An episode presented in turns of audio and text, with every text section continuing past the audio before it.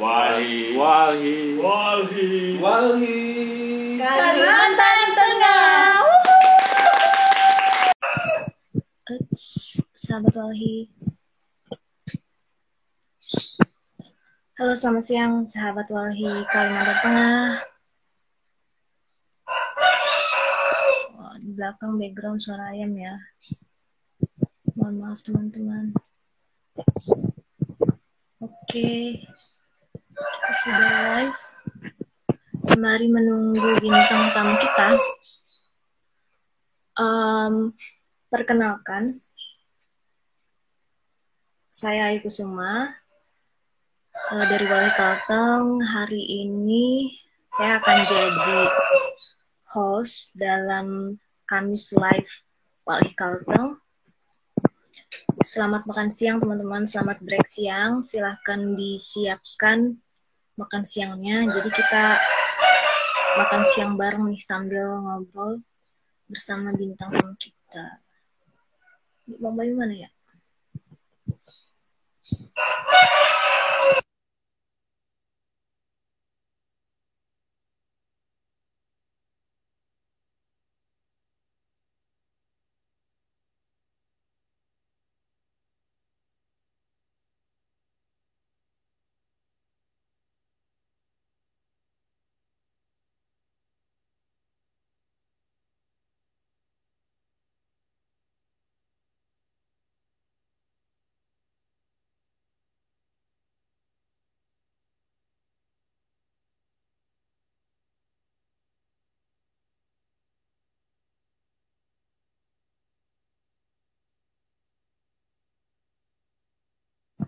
Oke, Bang Bayu udah di sini. Ayo Bang, masuk Bang. Teman-teman makan siang apa hari ini?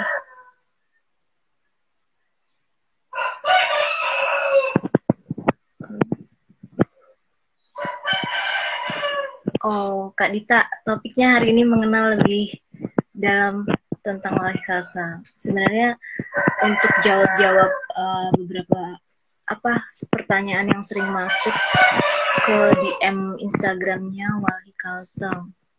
Kok Bang Bayu nggak bisa masuk ya? Di accept Bang Bayu. Aku udah request. Teman-teman sebelumnya maaf ya karena suara ayam. Hai Bang. Ayamnya belum makan jangan-jangan itu. Wah, ya, makanya kita makan siang bareng Bang. Bang Bayu Oh, makan siang apa dulu. Bang? Oh, Eh, enggak lah, kan kita bareng Bang. Aku udah menyiapkan mie, mie goreng. Iya, sehat sekali Anda. Karena ini bulan apa mendekati bulan tua ya. Jadi Oh. makannya mie goreng. Ini baru pertengahan loh, belum 20-an. Ya Bang. Anak muda. Bang Bayu apa? Makan apa? Eh, tadi kelakai sama apa, Mila, Mila goreng. Oh, sudah makan duluan nggak Bang? Iya, Gak enak iyalah. lah aku makan ini. Eh serius Padahal ini makan. kita ren- judulnya aja makan Bang. Nanti Jadi muncrat kita muncrat ngajakin- kalau ngomong sambil makan. Kalian mukbang gitu, ngajakin teman-teman untuk makan siang bersama. Siapa tahu ada yang makan siangnya nggak ada temennya gitu kan. Jadi Ih, kita Jomblo temenin. banget. Oke, kalau gitu. em, nah, karena udah ada Bang Bayu nih, yang akan em, apa menemani kita siang hari ini, kita udah bisa mulai nih sebenarnya. Jadi teman-teman, eh, bukan teman-teman ya kalau Walhi, Walhi Kalteng, sahabat Walhi Kalteng, em, ini pertama kalinya Kamis live. Jadi memang judulnya itu makan bang, pengennya tuh kayak mukbang gitu sambil makan sambil sekaligus gitu sambil diskusi sambil uh, mengenal Wali lebih jauh. Nah, jadi kawan-kawan bisa sambil sahabat Wali bisa sambil makan, bisa chat juga di sini makan siangnya apa hari ini. gitu. Um, dan hari ini itu kita akan ngebahas uh, wal- terkait dengan Wali Kaltong sih, karena jadi selama ini tuh udah banyak banget uh, DM yang masuk ke wal- Instagram Wali Kaltong khususnya banyak pertanyaan-pertanyaan masuk. Nah dari pertanyaan-pertanyaan itu ada pertanyaan yang paling sering masuk itu yang akan kita uh, bahas hari ini teman-teman. uh, selain memang um, belum tentu juga kan yang follow uh, Wali Kalteng ini sudah mengenal Wali Kalteng bisa jadi uh, banyak juga yang sahabat-sahabat uh, baru gitu. Jadi ini adalah momen kita berkenalan selain juga ini sebenarnya live pertama Wali Kalteng di Instagram yang kita yang hostnya. Ramai uh, banget gitu. di situ. Iya, di sini bukan hanya ada ayah, tapi juga banyak burung. Oke, kalau gitu uh, perkenalkan eh kita perkenalan dulu nih. Tadi aku udah perkenalan bang, aku oh, udah perkenalan. Uh, namaku. Ya aku udah perkenalan kan, aku hostnya. Nah silahkan Bang Bayu perkenalkan diri dulu sama menyebutkan juga uh, mungkin mau share akun Instagramnya biar banyak follower nambah follower. Saya nggak perlu akun follower Instagram. Nanti yang mau follow silakan. Terima kasih. Jadi perkenalan dulu ini. Perkenalan bang, aku sambil makan ya. Oke, okay. suaraku jelas makan, aja bang. Kan? Soalnya ini di jelas, pinggir jelas. jalan raya. Oh iya, suaraku okay, yang kayaknya nggak jelas nih. Oke, okay, assalamualaikum warahmatullahi wabarakatuh. Uh, selamat siang kawan-kawan, uh, sahabat wali di Kalimantan Tengah, dan juga kawan-kawan followersnya Instagram Wali Kalteng. Uh, saya Bayu Herinata. Uh, ya tadi mungkin uh, di pamflet kawan-kawan juga sudah lihat saya dari Wahana Lingkungan Hidup Indonesia Walhi Kalimantan Tengah. Saya bergabung dengan Walhi sejak tahun 2012 setidaknya. Jadi sekarang sudah hampir berapa tahun? 9, 8, 9 tahun. Eh, apa bekerja bersama dengan kawan-kawan di eksekutif daerah Walhi Kalimantan Tengah. Saya di Walhi eh, di Departemen Penguatan Organisasi dan Pendidikan. Itu perkenalannya, Kayu. Apa tadi bang akun Instagramnya? Oh akun Instagram. Uh, at Bayu Herinata aja sih. Nama hmm. nama lengkap. Oke okay, oke, okay. nggak alay ya? Nggak nggak dong. Udah lewat kali. akun Instagramku AKP 6104. Akuntan publik gitu kalau di okay. panjangannya. Oh, oke. Okay. Gimana? Jadi Bang Bayu ini um, dari Departemen Organisasi dan Pendidikan teman-teman. Makanya diundang untuk hari ini karena pertanyaannya tuh yang masuk itu memang banyak seputar organisasi gitu. Misalnya um, gimana cara jadi anggota, gimana um, kalau mau magang di Walhi kayak gitu-gitu. Makanya nih dihadirkan hmm. Bang Bayu ini untuk menjawab pertanyaan teman-teman. Tapi selain itu kawan kawan-kawan juga bisa bertanya lewat kolom komentar ya. Apa nih, Kak Dita? Kak Bayu jomblo nggak? Kalau di bagian pengiatan organisasi itu ngapain sih Bang? Oh ya, udah ada pertanyaan nih dari Kak, Kak Dita. Jawab dulu Bang. Itu langsung dijawab atau kita uh, Jawab share terkait walhinya dulu? Oh. Saya udah nggak jomblo Kak Dita secara umum uh, Departemen Penguatan Organisasi dan Pendidikan itu melakukan uh, pengelolaan apa uh, keorganisasian ya. Baik uh, uh, apa terkait dengan anggota ataupun seluruh komponennya walhi. Karena walhi itu kan dia organisasi forum. Jadi terdiri dari anggota-anggota baik dari anggota organisasi uh, dan juga anggota uh, perorangan atau individu. Nah, selain pengelolaan anggota dan juga uh, apa tadi penguatan eh, kapasitas organisasi juga melakukan eh, pendidikan-pendidikan baik untuk eh, anggota dan juga untuk komunitas-komunitas yang didampingi oleh Walhi Kalimantan Tengah sendiri.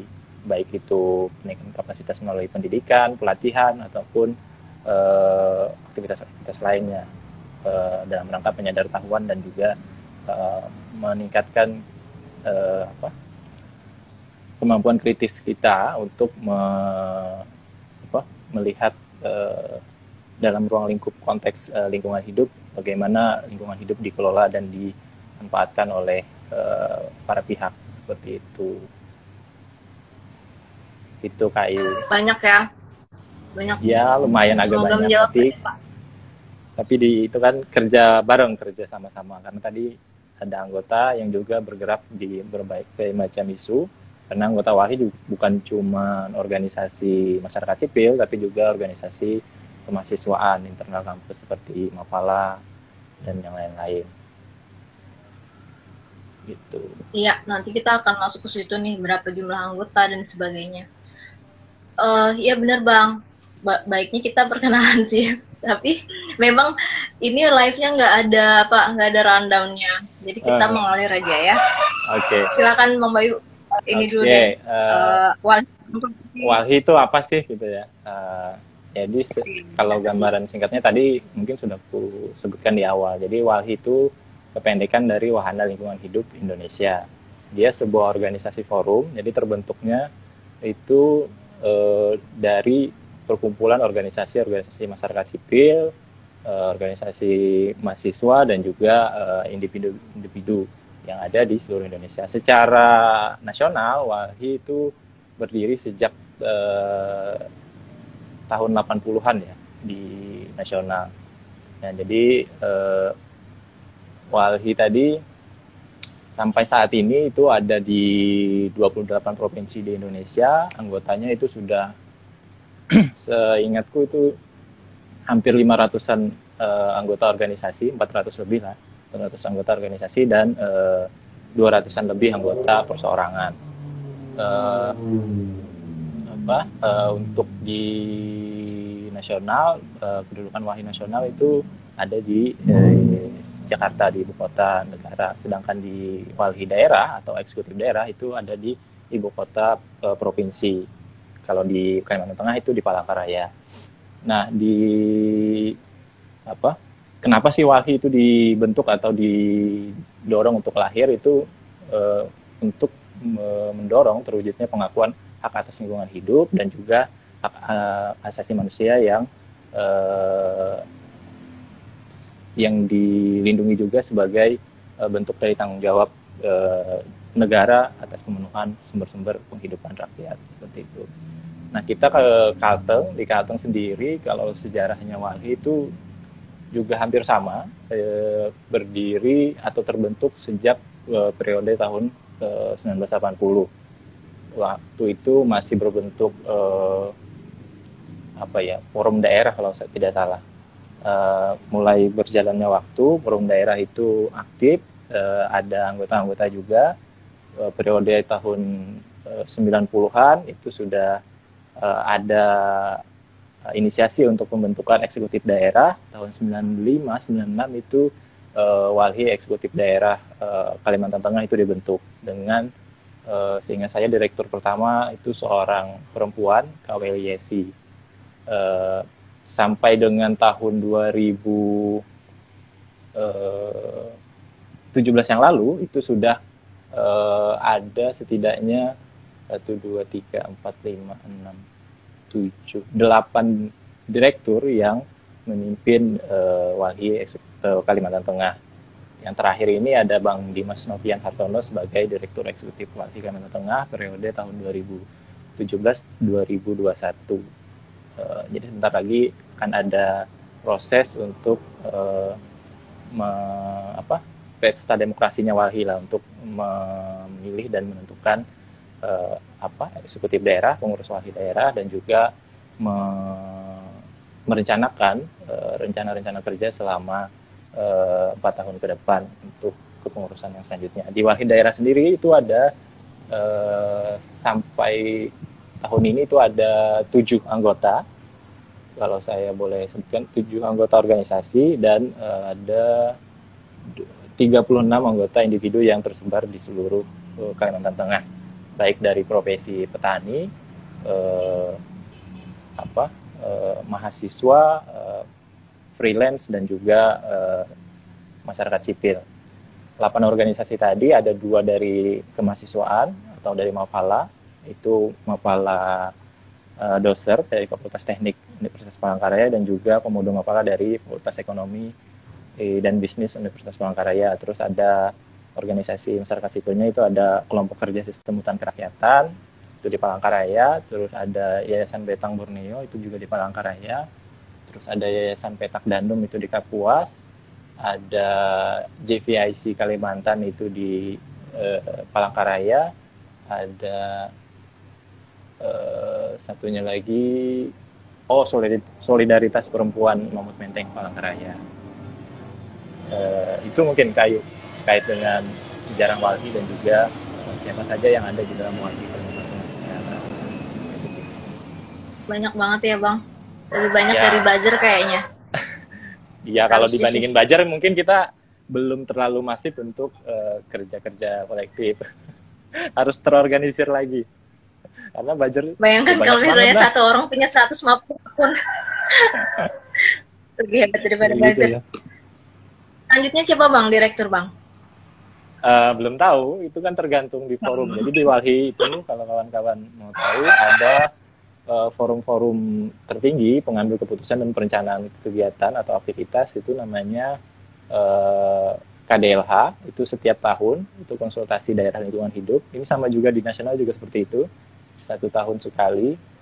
Terus ada forum empat tahunan sekali. Itu untuk melaporkan aktivitas uh, walhi dan juga merencanakan kegiatan-kegiatan walhi selama empat tahun ke depan di samping itu juga memilih dan menentukan pengurus atau eksekutif uh, daerah dan uh, dewan daerah walhi selama satu periode.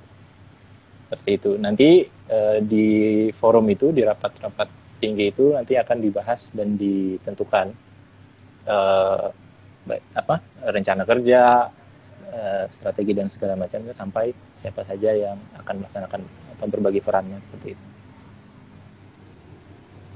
Oke. Nah, anggota itu kan banyak banget. banget gimana gimana? Ya, dia sangat ingin tahu sih. Memang cerminan sahabat Walhi Carlton itu memang harus selalu ingin tahu. Terus terus oh, gitu. terus. Bagus, nah teman-teman teman-teman bisa sambil makan ya. Soalnya ini judulnya makan bang. Aku aja yang makan. Aku terus yang mau request ini. untuk join video, makan itu makan nggak perlu join video ya. Makan masing-masing aja teman-teman. Nah, Bang Pai kan anggotanya itu banyak banget. Hmm. Emang apa sih yang dilakukan dengan sebanyak ini anggota tuh mau ngapain sih? Iya, anggota karena anggota ini dia bekerja juga dengan isunya masing-masing atau fokus kerja masing-masing, jadi berbagi peran itu tadi.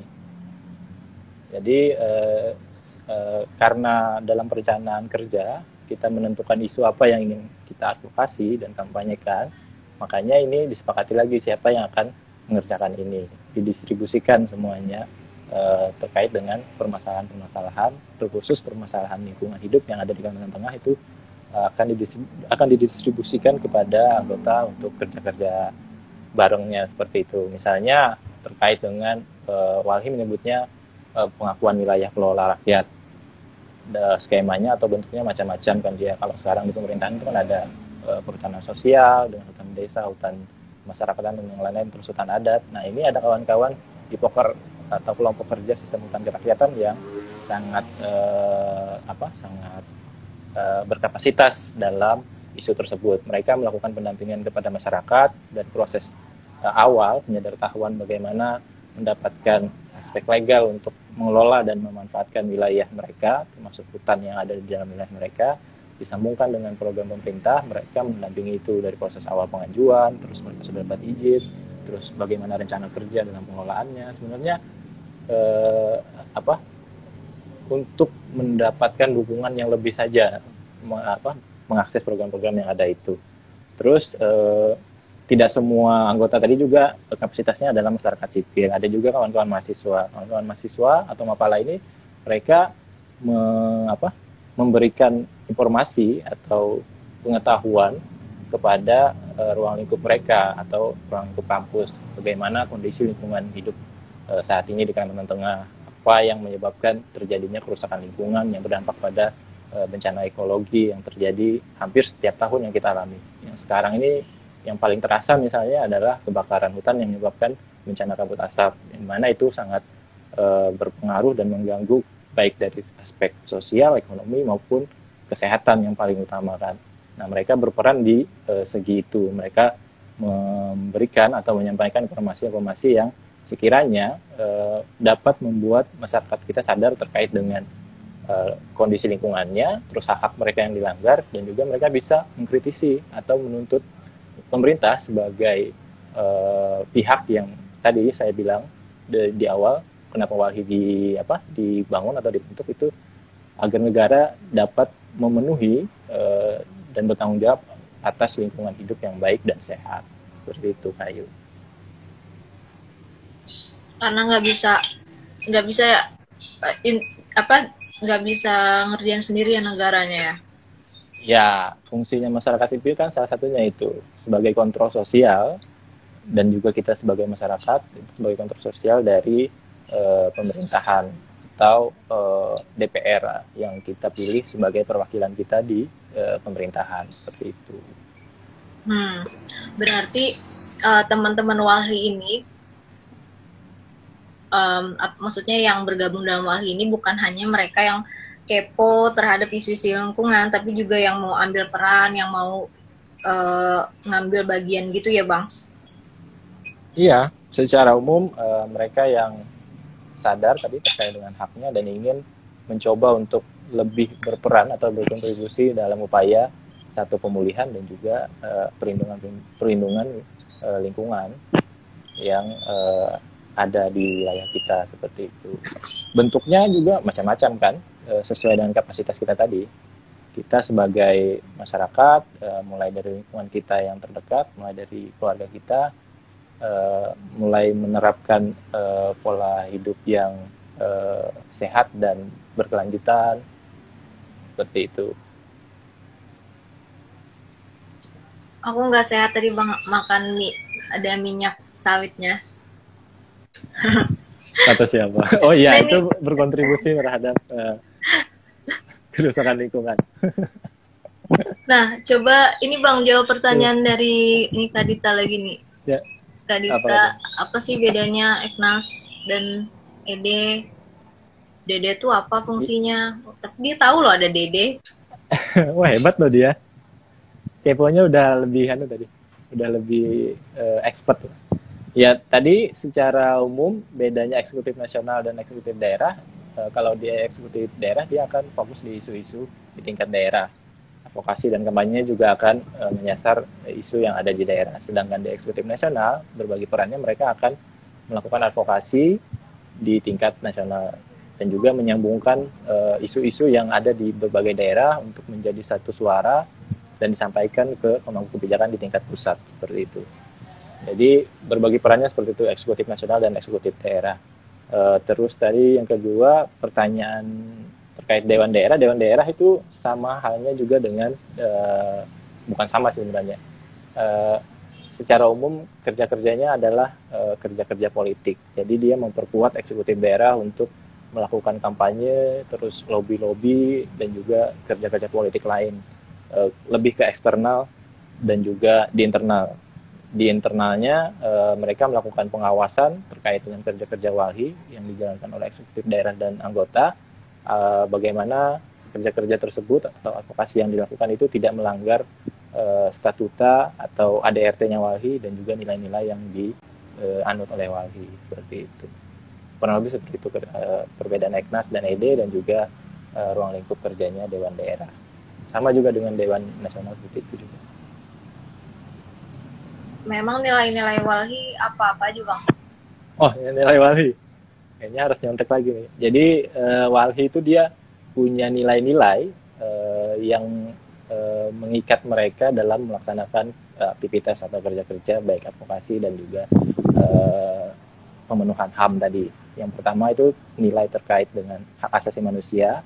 Jadi memastikan dalam setiap kerjanya itu uh, terkait dengan uh, pemenuhan HAM dan juga perlindungan HAM. Terus terkait yang kedua nilainya uh, demokrasi. Jadi semua kerja-kerja, semua aktivitas itu dilakukan atas dasar demokrasi yang uh, transparan atau terbuka. Yang ketiga itu keadilan gender. Jadi di Walhi dan jaringan kita bekerja dengan semua uh, organisasi, semua komponen yang ada uh, tidak memandang uh, suku, ras, agama dan juga gender. Terus yang keempat itu keadilan ekologis. Jadi bagaimana sebenarnya uh, uh, apa pembangunan atau pemanfaatan sumber daya yang ada ini itu memperhatikan keadilan ekologis.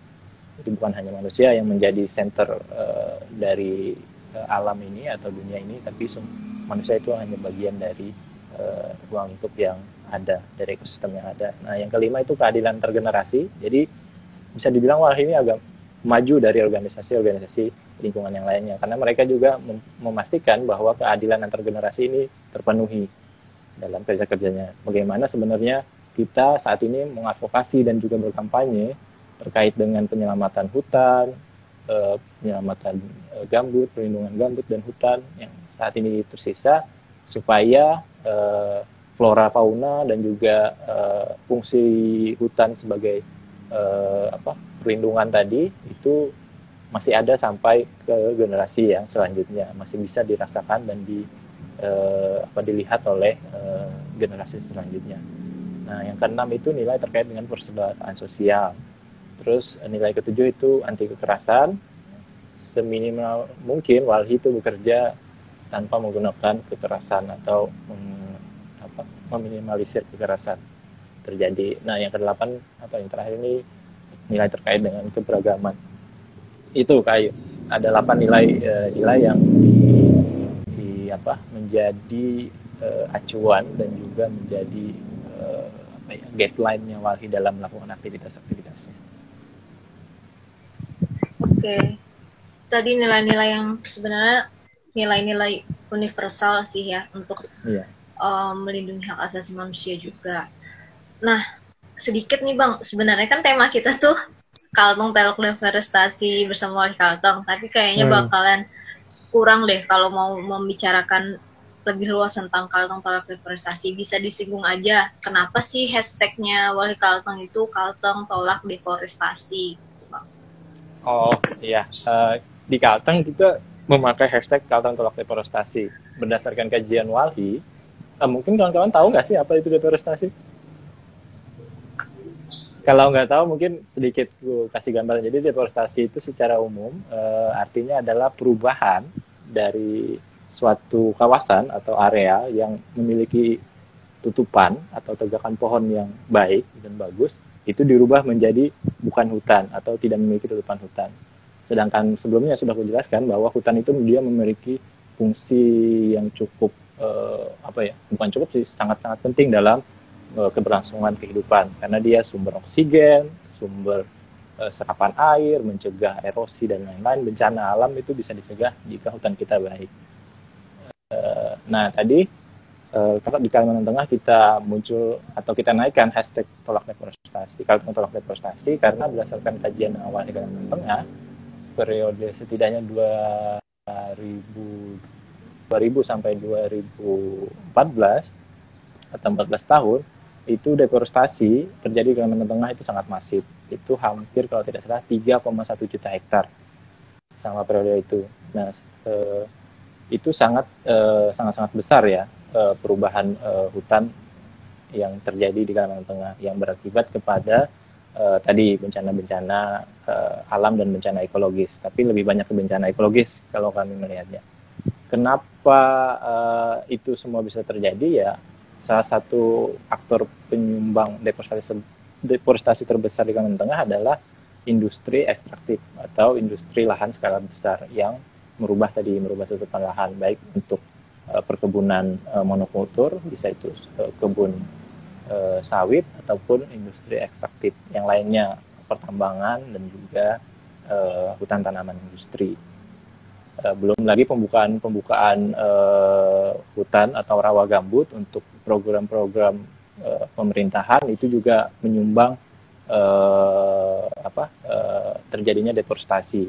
Di mana secara umum semua semua deforestasi yang terjadi tadi itu berperan kepada uh, meningkatnya uh, apa uh, meningkatnya dan terjadi lebih cepatnya uh, pemanasan global yang berakibat pada perubahan iklim, di mana kita sudah mulai merasakan saat ini di, di apa di banyak daerah juga sudah kelihatan perubahan iklim itu nyata dan sudah ada di depan rumah kawan-kawan sendiri. Satunya cuaca yang tidak menentu, eh, yang terbaru misalnya kawan-kawan di daerah hulu di Gamandau, di Delang dan di Batangkawa ini eh, yang sebelumnya tidak pernah kebanjiran sekarang sudah mulai kebanjiran. uh, air sudah tinggi dan sudah uh, beberapa ruas jalan lintas provinsi yang menyambungkan antara kabupaten eh yang menyambungkan antara Kalimantan Tengah dan Kalbar itu putus. Itu bisa dibilang uh, bagian dari dampak atau uh, akibat dari perubahan iklim.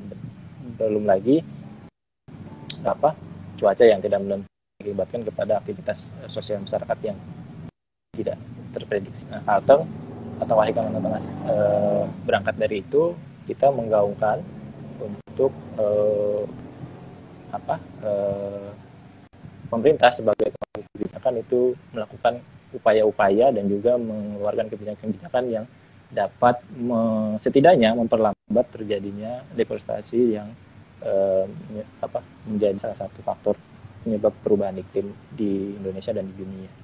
Mungkin itu kayu. Semoga bisa memberikan gambaran kenapa kita uh, naikkan hashtag Kalteng tolak deforestasi. Iya, makasih Bang Bayu. Jadi teman-teman tadi Delang dan Batangkawa itu itu di Kabupaten Lamandau, Provinsi Kalimantan Tengah.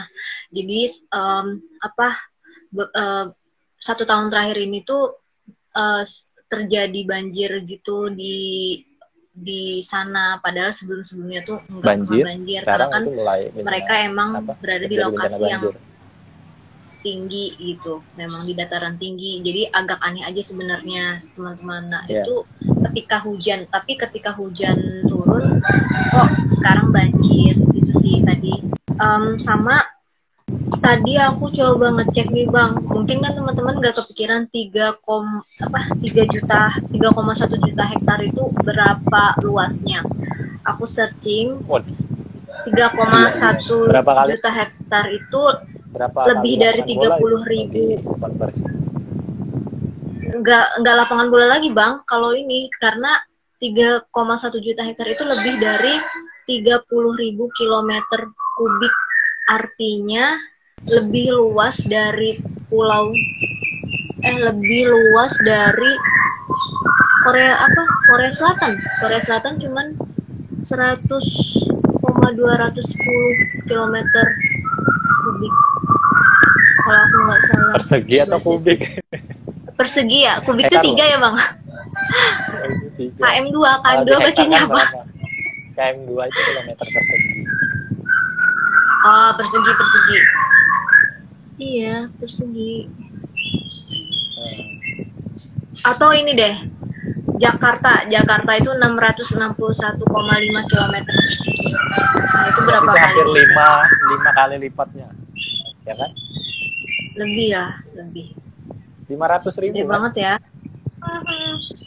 Ya, hampir, hampir lima kali Jakarta berarti. Sahabat Wali.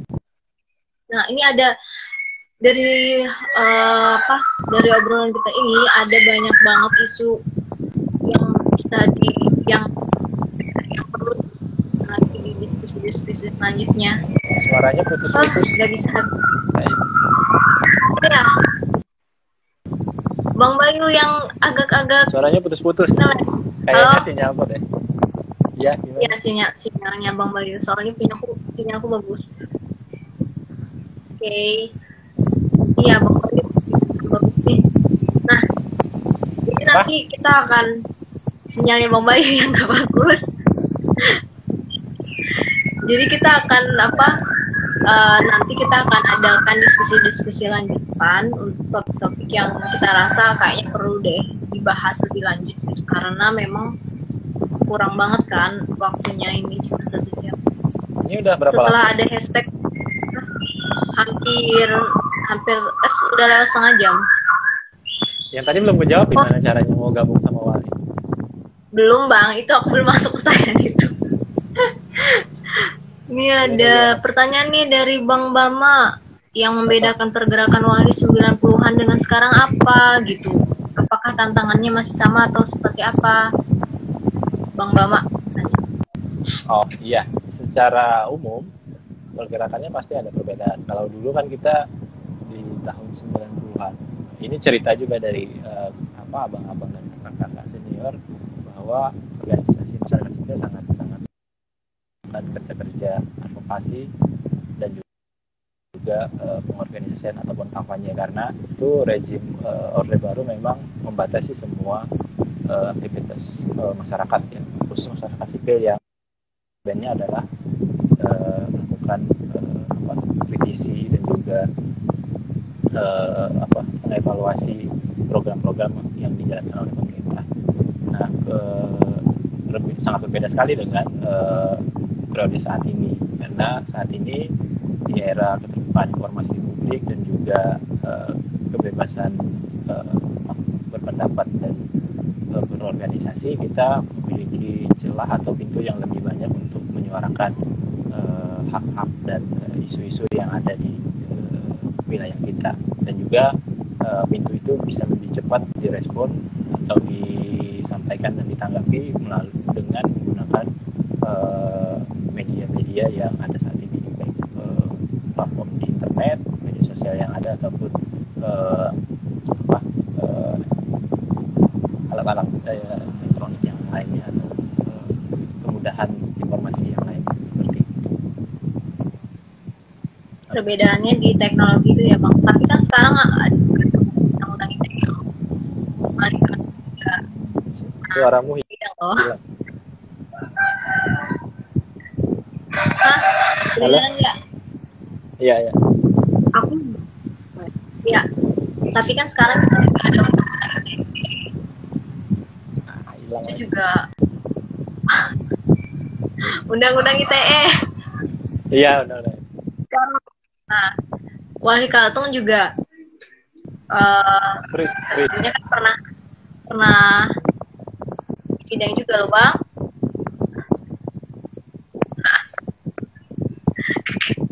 Sinyalnya nggak bagus ya. Oke okay, okay. lanjut lanjut lanjut. Um, mungkin jawab beberapa pertanyaan yang Instagram Wali Kalteng. Pertanyaan pertama gimana caranya berkomunikasi di gerakan Wali Kalteng gimana apa?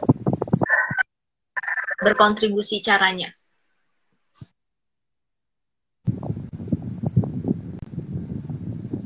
Berkontribusi di gerakan Wali Kalteng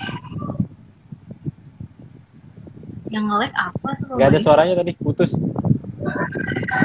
Aku kayak. Gimana kontribusi bang. Gerakan Wali Kalteng Beneran? bagaimana cara? Bagaimana? Kontribusi kontribusi ini ke bawah. Belum ada belum muncul. Ya berarti jaringan anda memang. Yang kurang bagus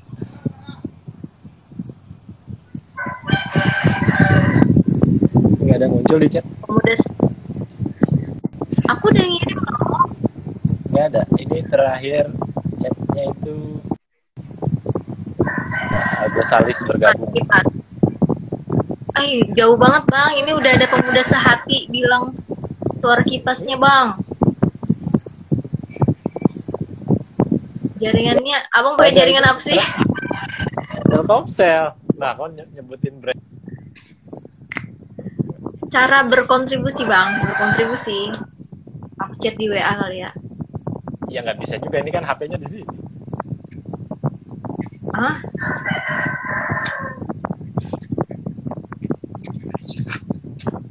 Itu tuh. Tuh, aku udah kirim. Mungkin jaringannya disabotase. Tidak boleh seuzon gitu, pemuda sehati.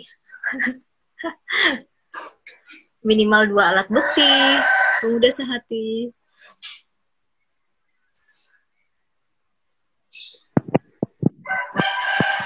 sambil nunggu Bang Bayu loading-loading gitu teman-teman. Uh,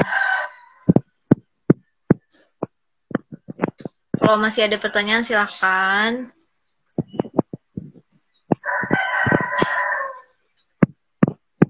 makan siang apa hari ini nggak ada yang nge-share nih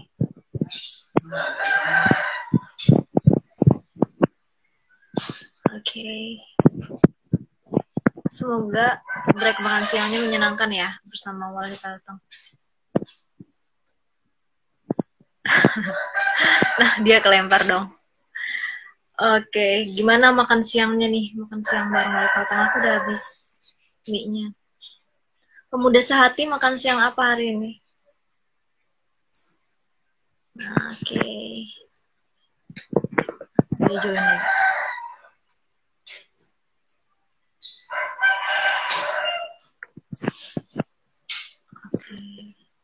Nah, udah masuk lagi. Uh, uh, uh, uh.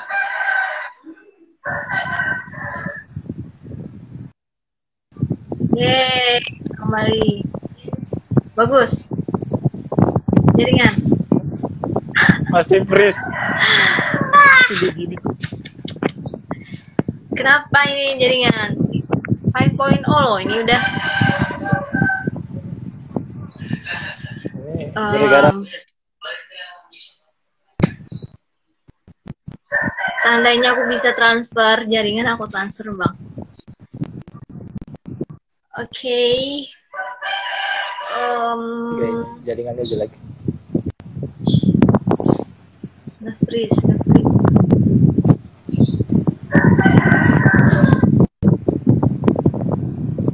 nggak bisa nggak dengar nggak kedengeran Gak bisa bang? Ya udah. Oh udah. Ini bentar lagi kok ini bang. Uh, gimana cara berkontribusi di gerakannya Wali Kalteng? Ya, uh, kalau kamu organisasi, kamu bisa gabung di anggota Wali. Uh, uh, bisa apa? Bisa lebih kenal dan uh, lebih bagaimana Wali dan juga uh, tadi cara-cara kerja wali dan juga uh, bagaimana wali wali beraktivitas. Kalau kamu anggota individu, individu wali. Jadi uh, semua aktivitas atau semua isu yang kamu salah satu privilege ya, salah satu keuntungan menjadi aktivitas-aktivitas advokasi dan kampanye yang kamu lakukan akan di uh, support oleh walhi baik dari strategis sampai ke uh, apa namanya uh, logistik kalau dia memungkinkan seperti itu. Dan kalaupun agak terlalu berat menjadi anggota walhi kamu bisa tetap berkontribusi untuk uh, gerakan uh, perlindungan dan penyelenggaraan hidup yang ada di Kalimantan Tengah itu dengan uh, share semua uh, apa informasi dan data menggunakan gawai dan media sosial kamu ke uh, ruang lingkup. Ya paling kecil tadi aku bilang adalah uh, keluarga dan uh, pertemanan kita banyak informasi yang seharusnya bisa kita sampaikan ke masyarakat uh, terkait dengan uh, kondisi lingkungan hidup yang ada di Kalimantan Tengah dan juga bisa memberikan uh, apa input-input atau saran-saran uh, kepada wali yang nanti bisa disampaikan ke, ke apa pemangku kebijakan atau pemerintah yang ada. Itu untuk gabung di WALHI tadi kalau organisasi atau anggota individu bisa bersurat ke WALHI Kalimantan Tengah, penuhi syarat-syaratnya, nanti akan dilakukan verifikasi, eh, terus akan ditetapkan eh, menjadi anggota kalau eh, memenuhi syarat itu di forum-forum eh, tertingginya WALHI di KDLH atau DPDLH tadi. Uh, selain itu juga uh, kalau mau ikut dalam aktivitas-aktivitas walhi uh, di walhi juga melakukan kegiatan pendidikan. Itu ada namanya pendidikan kader walhi atau uh, kalau sebelumnya bilang pendidikan kader rakyat walhi itu biasanya kami laksanakan setahun kali. Itu untuk menyampaikan tadi apa itu walhi bagaimana Uh, nilai-nilai yang dianutnya terus bagaimana mereka melakukan kerja-kerja advokasi uh, dan kampanye terus juga uh, apa banyak hal terkait dengan uh, apa perjuangan dan uh, apa perjuangan dan juga sejarah-sejarah uh, yang sejarah-sejarah perjuangan di Indonesia. Terus uh, kita juga bangun diskusi-diskusi uh, terkait isu-isu yang ada di Kalimantan Tengah di semua platform yang Wali miliki uh, kita adakan itu. Kita share juga informasi-informasinya. Terakhir kita juga uh, bikin diskusi uh, virtual. Untuk ngopi terkait dengan isu apa yang lagi ramai di Kalimantan Tengah itu pengembangan uh, pangan atau proyek protester itu kita diskusikan di sana dan uh, interaktif bisa uh, apa bisa bergabung siapa saja. Belum juga ada komunitas-komunitas lain seperti lingkar belajar uh, yang diinisiasi oleh wali itu kayu jadi banyak ya bang bahkan kalau lain share postingan termasuk nah um, aku iya karena suaramu nggak jelas. Nah uh, bang sebenarnya untuk teman-teman yang pengen bergabung sebagai anggota itu bisa cek di websitenya Walhi Kalteng di www.walhikalteng.org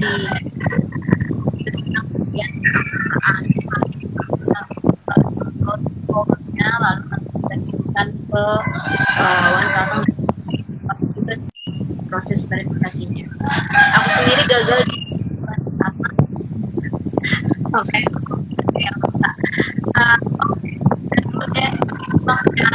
syarat-syarat utama untuk jadi anggota gimana syarat-syarat syarat utama untuk jadi anggota misalnya harus ngapain? Harus uh, oh iya. uh, secara umum ya syarat-syarat kalau mau jadi anggota wali kalau di organisasi dia uh, itu tadi dia harus uh, apa, setuju dengan statuta atau ADART-nya wali terus dia bekerja di isu-isu uh, keadilan uh, lingkungan dan hak asasi manusia tadi. Terus tidak melakukan kejahatan lingkungan terus uh, bukan organisasi yang ter terafiliasi dengan uh, partai politik atau organisasi-organisasi terlarang terlarang. Uh, secara umum itu kalau untuk organisasi. Dan juga melakukan ya yang pastinya sudah melakukan dan sudah dan sedang melakukan kerja-kerja advokasi atau uh, hak asasi manusia di Kalimantan Tengah. Terus untuk individu kurang lebih sebenarnya uh, tadi yang paling penting dia bukan paling salah satu yang menjadi poin adalah bukan uh, ASN uh, TNI Polri ataupun uh, bekerja di organisasi-organisasi uh, yang merusak lingkungan atau melanggar hak asasi manusia. Yang lainnya lebih banyak administratif, uh, apa, uh, mengirimkan surat pernyataan, terus membuat uh, sebuah tulisan terkait dengan kerja advokasi atau uh, kampanye yang dilakukan. Eh, dan juga mendapatkan rekomendasi dari eh, untuk kedua tadi organisasi dan anggota individu itu mendapatkan rekomendasi dari setidaknya minimal tiga uh, anggota walhi atau 30 anggota individu.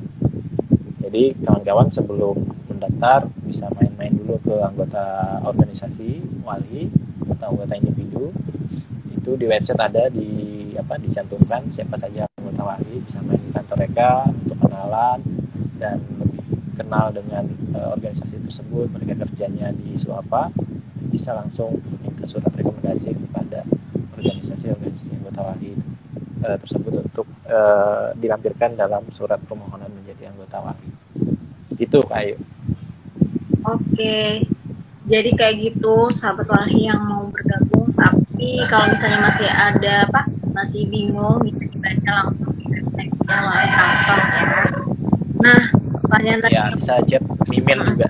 Oh ya. Uh, dan juga uh, apa untuk kontennya itu kita sama kita di profile Malika itu ada link ada tautan gitu tadi pilih aja mau dan website. Itu udah ada shortcutnya. Jadi pertanyaan gue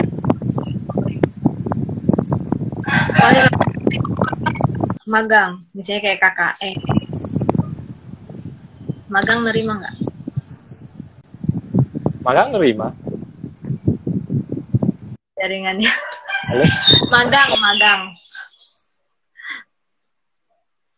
Soalnya itu salah satu pertanyaan juga yang sering masuk. Uh, kalau magang boleh nggak?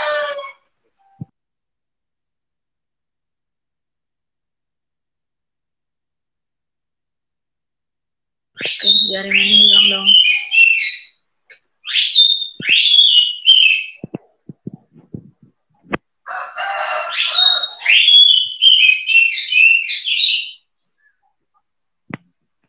Ah, terpental.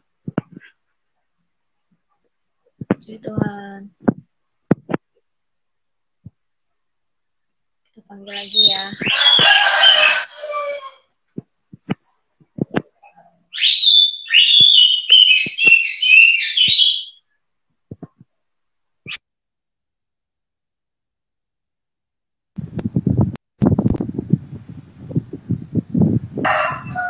Yeah. Super sekali hari ini ya live-nya. naik turun, naik turun. Magang, Ini Bang. Pertanyaannya lokasi yang lebih. Oke, magang. Uh, Soalnya ya, lockdown. Walhi terbuka. Walhi terbuka untuk kawan-kawan uh, siapa pun itu. Yang penting tadi uh, jelas asal usulnya untuk uh, beraktivitas di uh, eksekutif daerah ya kalau di daerah. Jadi kawan-kawan bisa uh, magang menjadi relawan voluntary. Uh, tapi tadi pesannya uh, mulai dari yang paling kawan-kawan uh, atau sahabat uh, wali sukai atau ingin pelajari karena salah satu tempat belajar yang paling asik kalau menurutku ya di wali karena kita bisa akan bisa belajar banyak hal terkait dengan kondisi sosial lingkungan dan hak asasi manusia khusus yang ada di Kalimantan Tengah. Jadi kawan-kawan tertarik untuk belajar dari mana nanti bisa datang. Atau paling tidak awalnya awal awal awal bisa komunikasi dengan uh, admin. Dan juga nanti juga bisa datang langsung kalau sudah nggak uh, PKM lagi. Bisa datang langsung ke ke sekretariat Wali Kalimantan Tengah itu di Jalan uh, Talenta Gang Talenta nomor 11 Pio Besinduk uh, di Palangkaraya bisa datang sana kita uh, diskusi apa yang kawan-kawan uh, uh, atau sahabat Walhi ingin tahu dan ingin uh, pelajari di uh, Walhi Kalimantan Tengah. Kita selalu terbuka. Oke, ya karena ini sedang ppkm, jadi juga apa masih lockdown sampai tanggal 20-an. Jadi kita tunggu di sekretariat. Uh, apa ada dua, dua pertanyaan lagi yang sering, sering juga ditanyakan. Yang pertama, uh, karena kan di ini banyak juga yang um, kawan sahabat-sahabat yang misalnya kerjain penelitian, entah itu tugas mata kuliah atau itu banyak yang datang ke Gimana bang caranya? kalau misalnya kita ingin wawancara walhika, ingin uh, apa minta bantuan misalnya data untuk penelitian.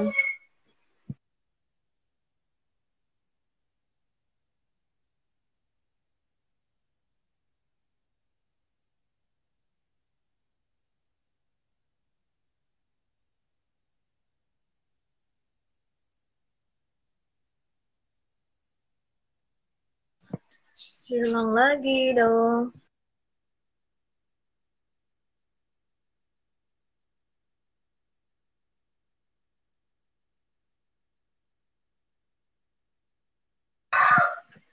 Jaringannya sungguh-sungguh sangat menyedihkan, sahabat.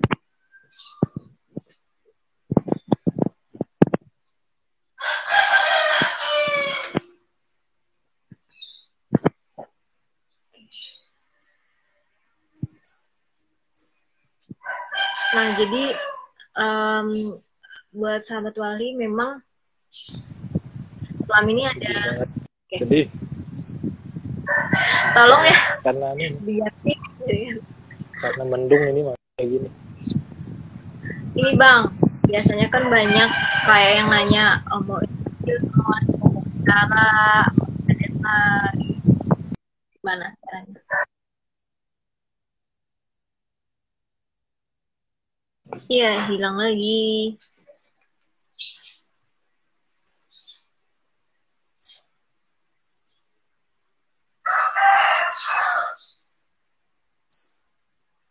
Ya, ya, ya. Jadi sebenarnya prosedurnya nggak ribet sih, teman-teman.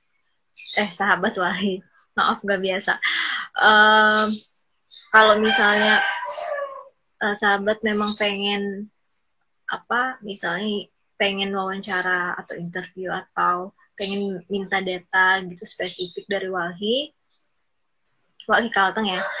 Jadi uh, sahabat bisa mengkontak melalui med, um, kontak yang telah disediakan. Jadi cek di bio kita itu ada email, kemudian ada juga um, email sih sebenarnya yang terutama.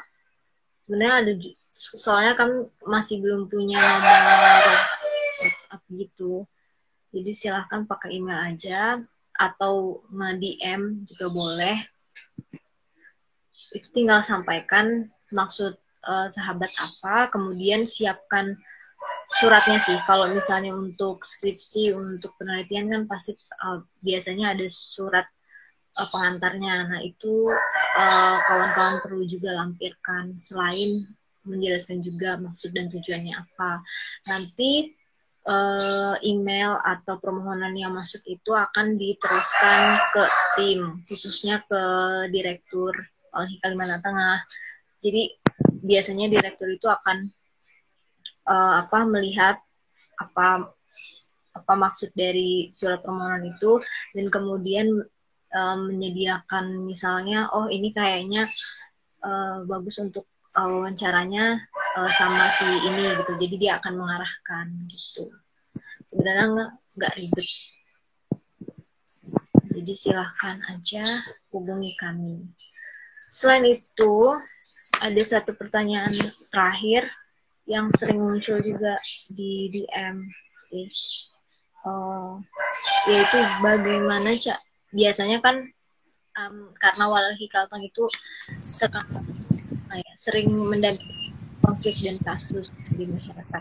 Nah bang, pertanyaan terakhir, terakhir lah, terakhir, setelah itu boleh. Go. Terakhir. uh, tendang lagi. Ya, terakhir uh, karena kadang ada juga yang nge-DM uh, dan bilang kalau kami saat, uh, masyarakat atau dia sendiri pribadi sedang menghadapi satu kasus itu berkaitan dengan lahan atau sengketa berkaitan dengan lahan atau sumber daya alam misalnya kayak atau pencemaran kayak gitu bang. Nah orang-orang seperti ini biasanya mereka akan minta bantuan dari warga atau uh, gimana apa yang harus dilakukan saran nggak mau uh, apa sahabat yang menghadapi permasalahan itu dan mau bantuan gimana? Oke, okay, uh, eh, ya uh, kita sering kaitan mungkin uh, kawan-kawan di apa di tim medsos juga sering dapat uh, japrian dari masyarakat yang melaporkan bahwa mereka sedang dalam uh, proses atau dalam kasus uh, konflik di desa atau di wilayah mereka. Nah, di Walhi sendiri atau di Walhi Kalteng sendiri itu uh, kami biasanya tidak serta merta langsung uh, apa me, apa namanya ya, merespon dengan turun lapangan. Jadi ada SOP terkait dengan uh,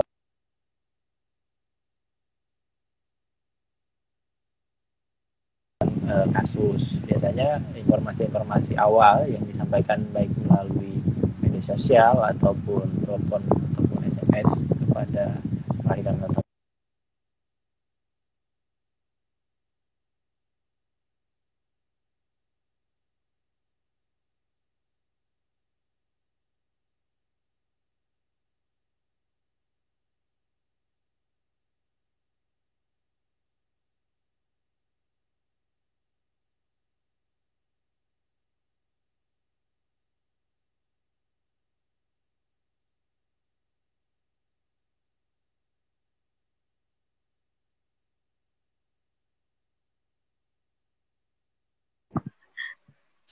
Dia ketendang lagi dong.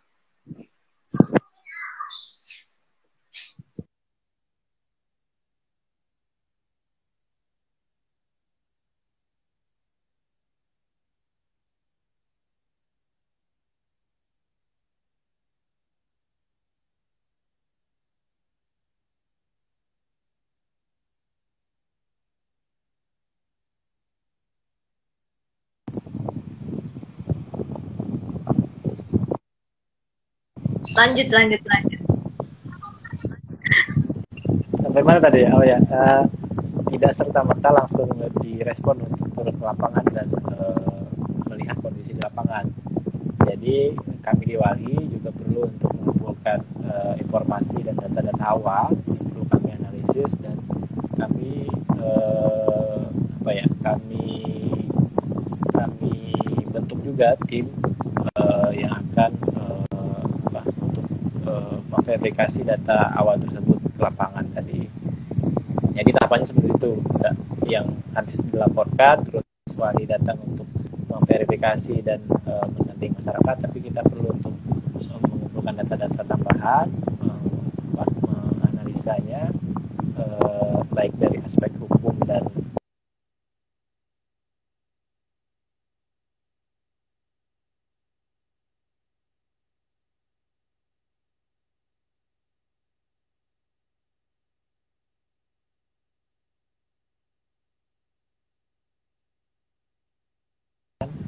dan langkah apa yang bisa dilaksanakan bersama-sama dengan wali dalam eh, apa kasus atau sengketa yang mereka hadapi atau pencemaran lingkungan yang mereka laporkan? Seperti itu semoga menjawab. Atau enggak masuk ini enggak masuk ke patah-patah. Jadi intinya uh, yang punya kasus atau sengketa yang mau dikonsultasikan itu kita menyiapkan dulu dokumentasinya jadi supaya bisa ya. Kelengkapan uh, dokumentasi seperti itu itu harapannya uh, ada. Sebelum disampaikan ke wali atau ada bisa di uh, disusun atau disiapkan bersama-sama dengan ada di wali Kalimantan Tengah. Seperti itu. Oke bang, bang coba deh ada ya, filter lucu. Oke bang, itu sih. habis ini apa? Enggak. Pertanyaan terakhir. Itu tadi pertanyaan terakhir sih bang. Fak. Lucu-lucu nih. Siap, siap, siap. Ih, serem nih ya. Di mana? Di mana filter? Ada yang kayak kayak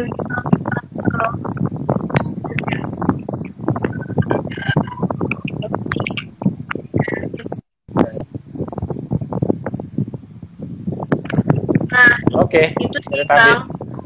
Itu sih Kang. Uh, tadi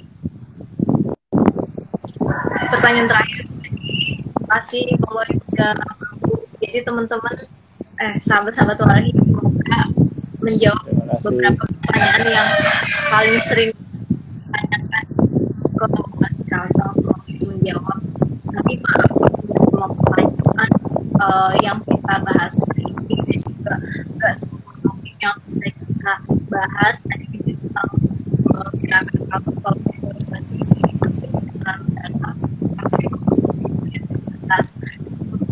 apa untuk hari ini itu uh, benar-benar baru ke kenalan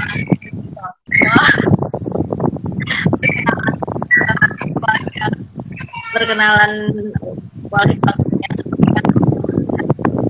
merasa lebih kenal dengan Wali Kalteng dan juga um, uh, apa jadi ruang kita untuk berinteraksi. Semoga um, live hari ini bisa menemani sahabat break makan siang. Semoga break makan siangnya lebih menyenangkan Wali Kalteng dan juga di sini sampai jumpa di lama ini satu jam lebih iya lumayan satu jam sampai jumpa di live live selanjutnya wow ini Sampai jumpa. Makasih Bang Bayu. Ya, salam adil dan lestari. Terima kasih sahabat Walhi semuanya. Lestari. Lestari, lestari, lestari. Uh.